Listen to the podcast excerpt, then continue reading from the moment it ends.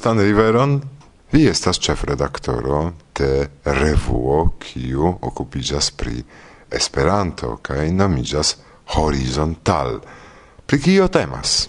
Do horizontal fakte estas vortludo en la nederlanda tal signifas lingvo kaj per la nomo horizontal oni volas diri ke Esperanto estas lingvo kun vasta horizonto.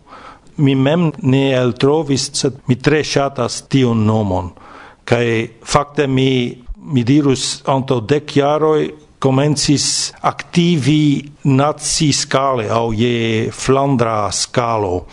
Antaŭe mi estis sekretario de loka klubo, sed uh, fakte mia unua vere Iniziato estis la organizado de post congresso post la universala congresso de Lille.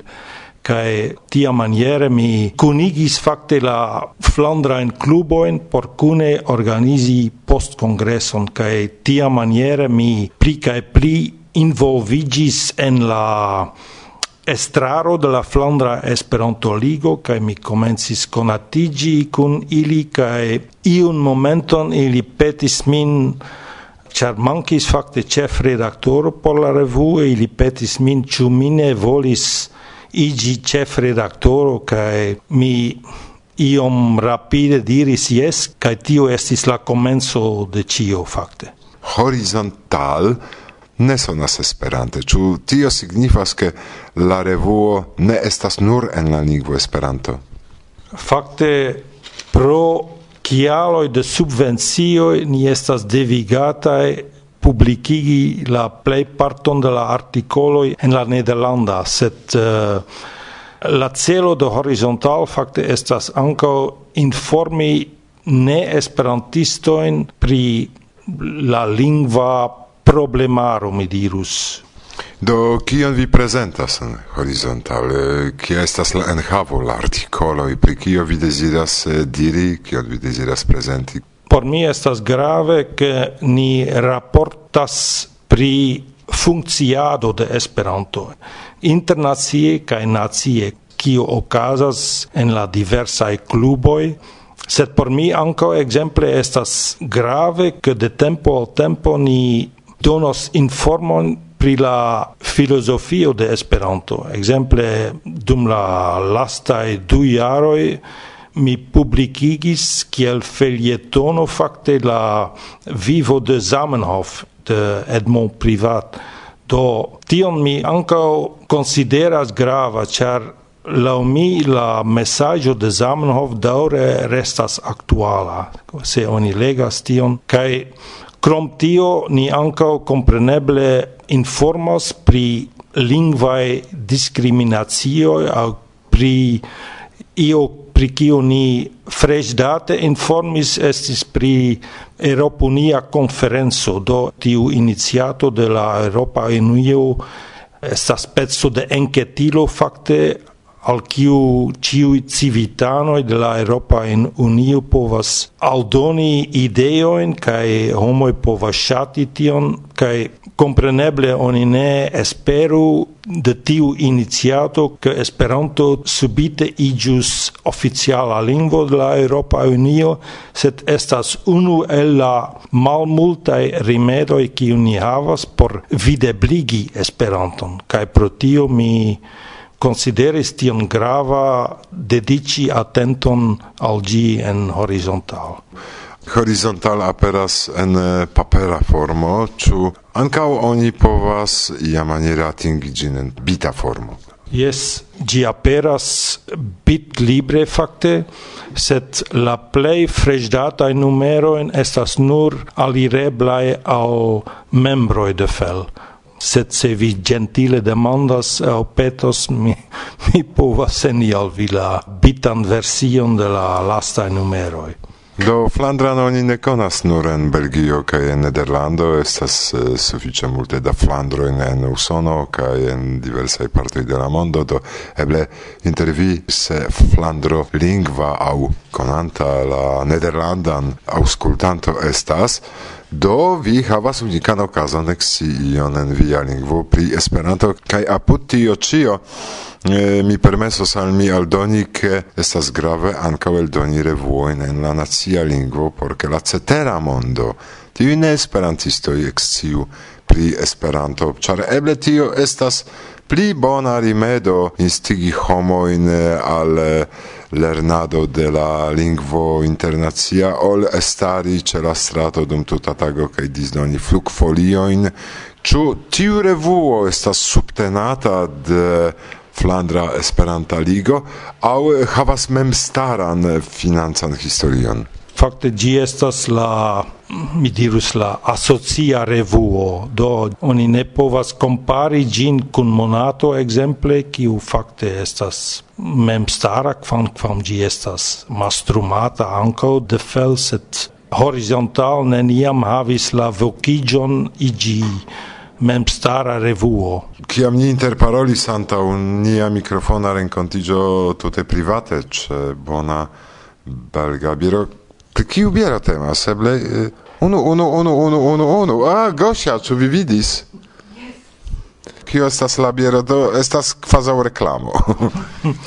Fakte tri foje Dec uno estas la nomo de neregistara organizo en Flandrio kio okupiĝas pri tiu malegaleco en la mondo kaj estis iu loka sekcio de trioble dec unu de tiu neregistara organizo kiu havis la bonan ideon private fari bieron.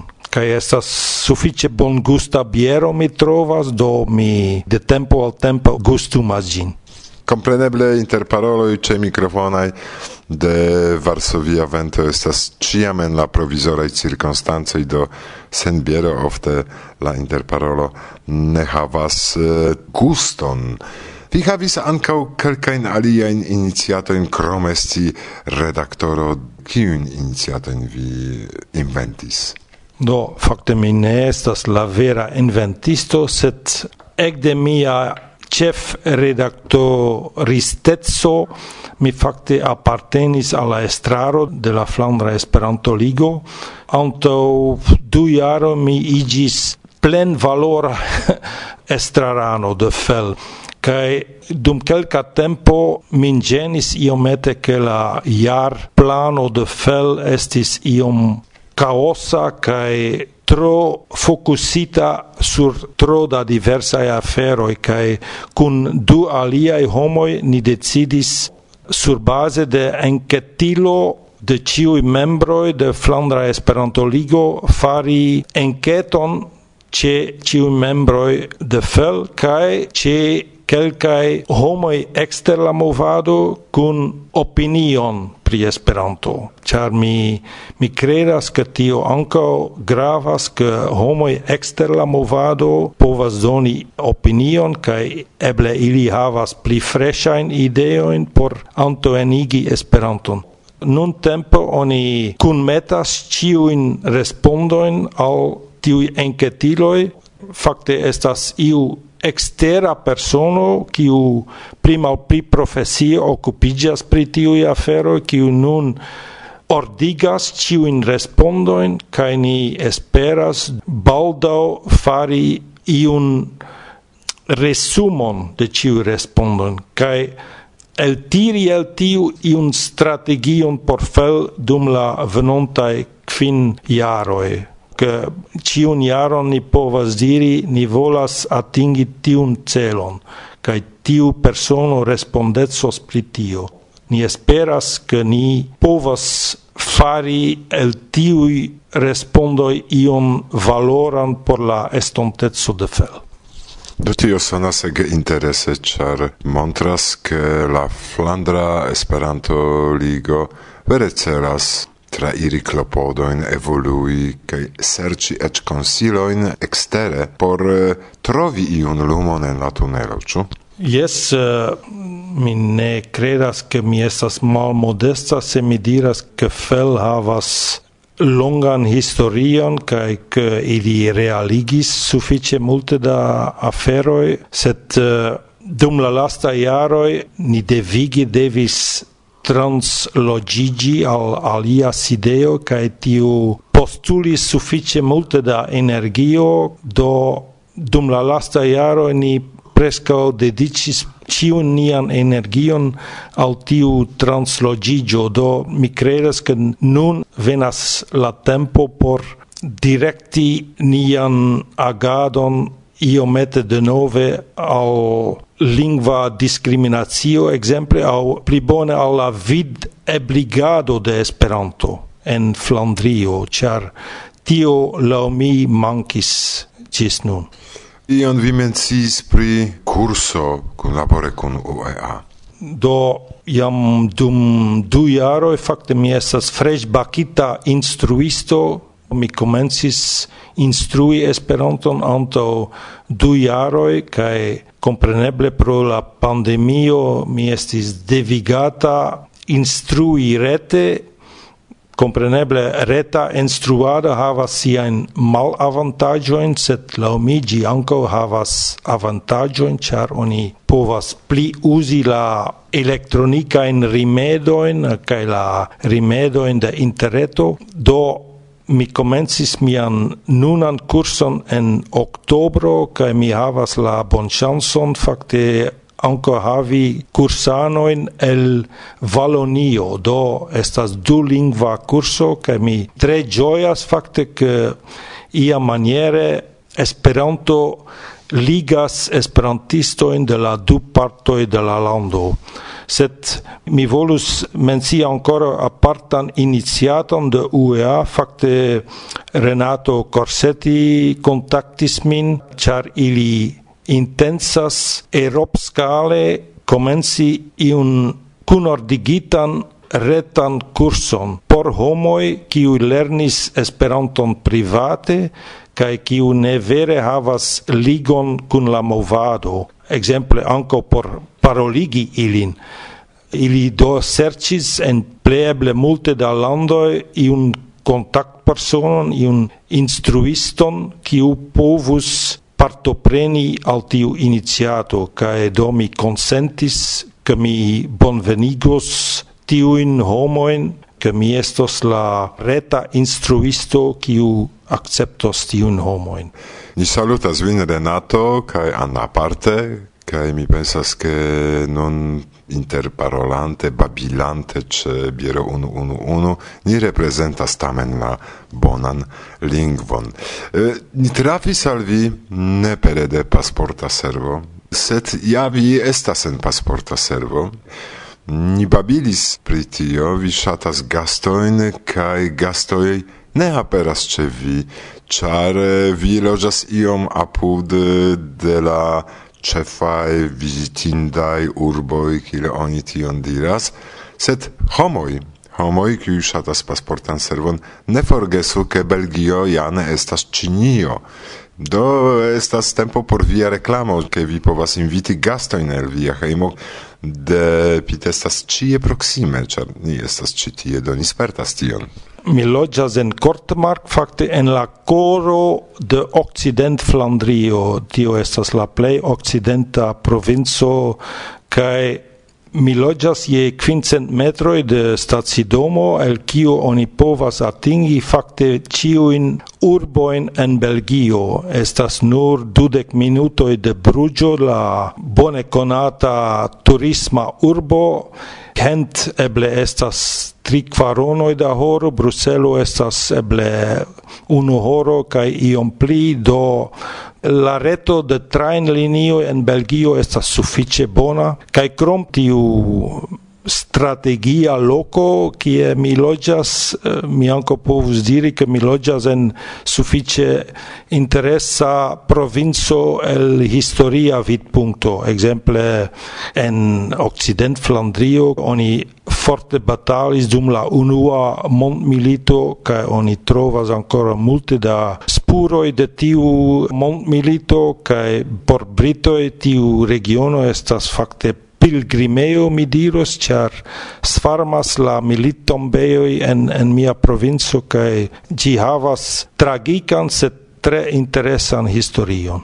Do eta reklamo kaj se vi planas viziti Belgion kaj vin interesas historio kaj interesaj diskutoj ĉe biero ĉe la tablo en eh, Belahejmo de Pit bonvenon ĉi tie ĉar ni konfirmas ke ni trovas nin ĉi quasau heime.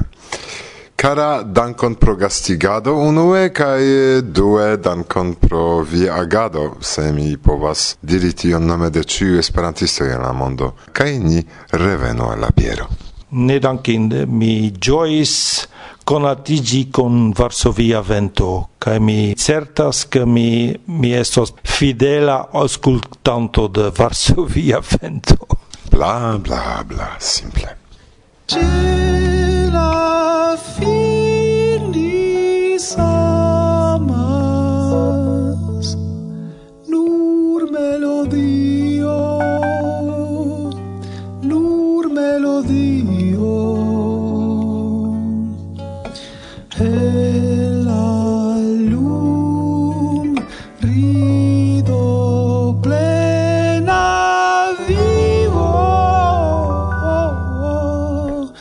vida.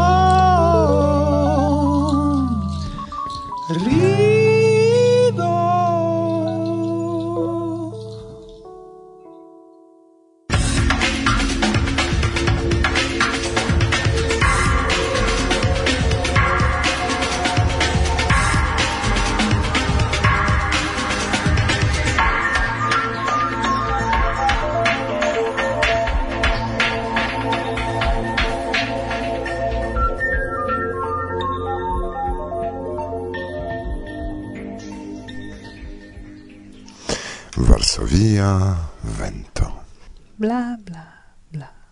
Antau ol travis en mia in mano in la sequel dono de monato, en mia letterkesto aperis fresh presita la pola esperantisto. Do, compreneble mi decidis tui trafoliumi gin kai monaton mi petos presenti al Gosia. Ciu. Mi audis, ke placas al vi la revuo. Eh, no jes, kompreneble, sed mi desiris prezenti la sekvan konatan kaj nekonatan esperantiston. Nu, unu ne malhelpas al la alia. Kaj Irek poste plendos, ke mankas tempo tion prezenti samtempe. Do ne parolu tro longe. Facile diri. Kiel ciam. Tenu monaton kai mi, carai auscultantoj, rakontos al vi iom pri la nuna eldono de la Pola Esperantisto. Dankon. Mm-hmm. La unua numero, se vi ne scias, carai aperis en 1906 kai gis la 1904, gia redaktoro estis Leono Zamenhof, kompreneble la frato de nia cara maestro. Post tiu periodo... Ah, ne... Eble iam mi racontos al vi plene tion, kion mi scias pri historio de nia revuo. Nun, revenu ni do al la giusta temo. Do en la nuna januar-februara eldono, krom en conduco de Robert Kaminski, la ĉefredaktoro kaj samtempe prezidanto de la Pola Esperanto-Asocio, antaŭ ĉio ni trovas informon pri menciita jam en aktualaĵoj la trideknaŭa Pola Esperanto-Kongreso, kiu okazos fine de la julio en urbolodzo. Eble pripensu al venon. Ja post tiu pandemia periodo, tiu aranjo shainas kiel oazo sur la deserto, en kiu oni povos trinki finfine bonan kai esperantistan etoson el diversaj fontoj. Do, Inter articoloi de la nuna eldono, kiui concernas la lingvon kaj kulturon, mi rimarkis interesan pri parolon pri uzo de la Esperanto-flago dum funebraj ceremonioj imagu. Jose Mo Rodriguez, kadre de la saĝaj pensoj skribas. Ciu stato, ciu flago havas sian propran protokolon por omaĝi stara forpasintojn. Kompreneble, Esperantio estas nek nacio, nek ŝtato, Tamen ni havas propran flagon kaj pro tio oni devas difini kia maniere uzi ĝin korekte okaze de funebraj ceremonioj. Kaj sekvas priskribo de diversaj ideoj kiel tion fari. Tre interesa afero do mi rekomendas ekscii la temon. Tiuj, kiu interesiĝas pri la ena politiko, certe rimarkos artikolon de Łukasz Żebrowski pri gravaj ŝanĝoj en la centra oficejo.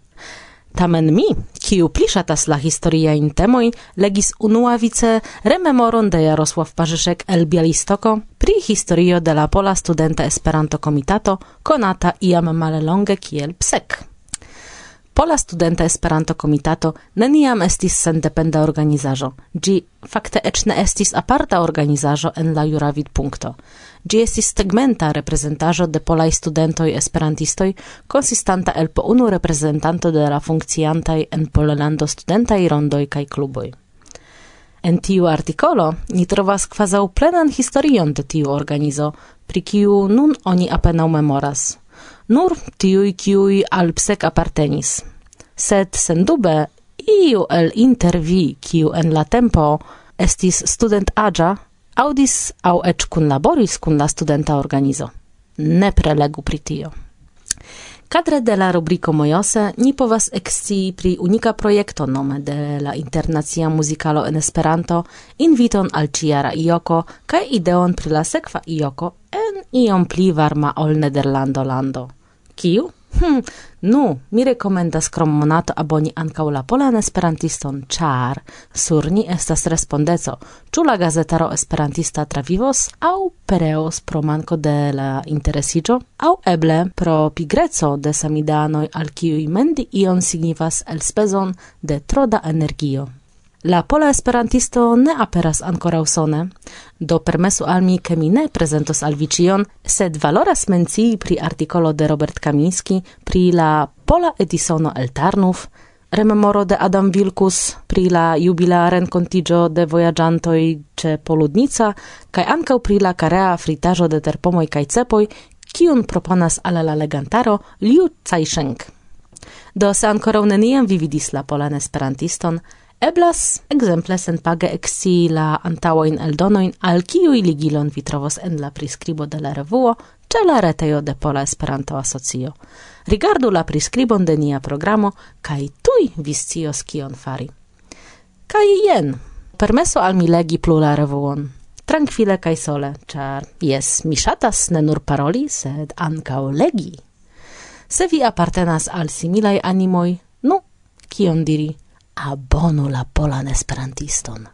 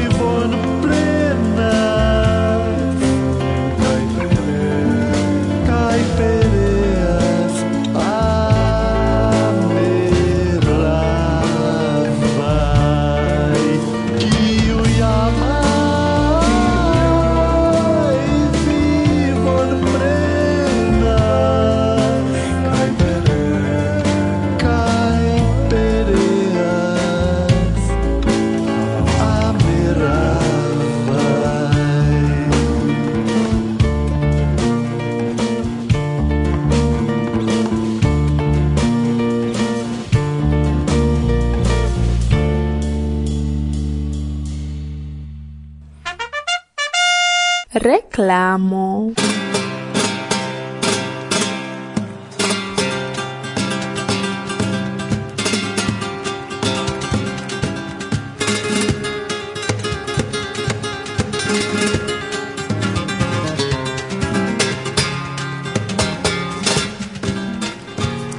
Post kelkaj provoj, penado kaj antaŭ preparoj kiujn dum du lastaj jaroj senkompate nuligadis la pandemia frapvorto restu heimen fin fine la Hispana Esperanto-Kongreso okazos. yes eĉ en tre bela kaj ĉemara urbeto. Tial kun vera plezuro kune kun la hefestraro, la cantabra lococo kaj la loka urbestro ni invitas vin inter la dudeknaŭa de aprilo kaj la tria de majo al la turisma Comilias. Aligiu, venu, congresumu cune kun ni, char la okdeka congreso de la Hispana Esperantistaro iam ne plu ripetigios.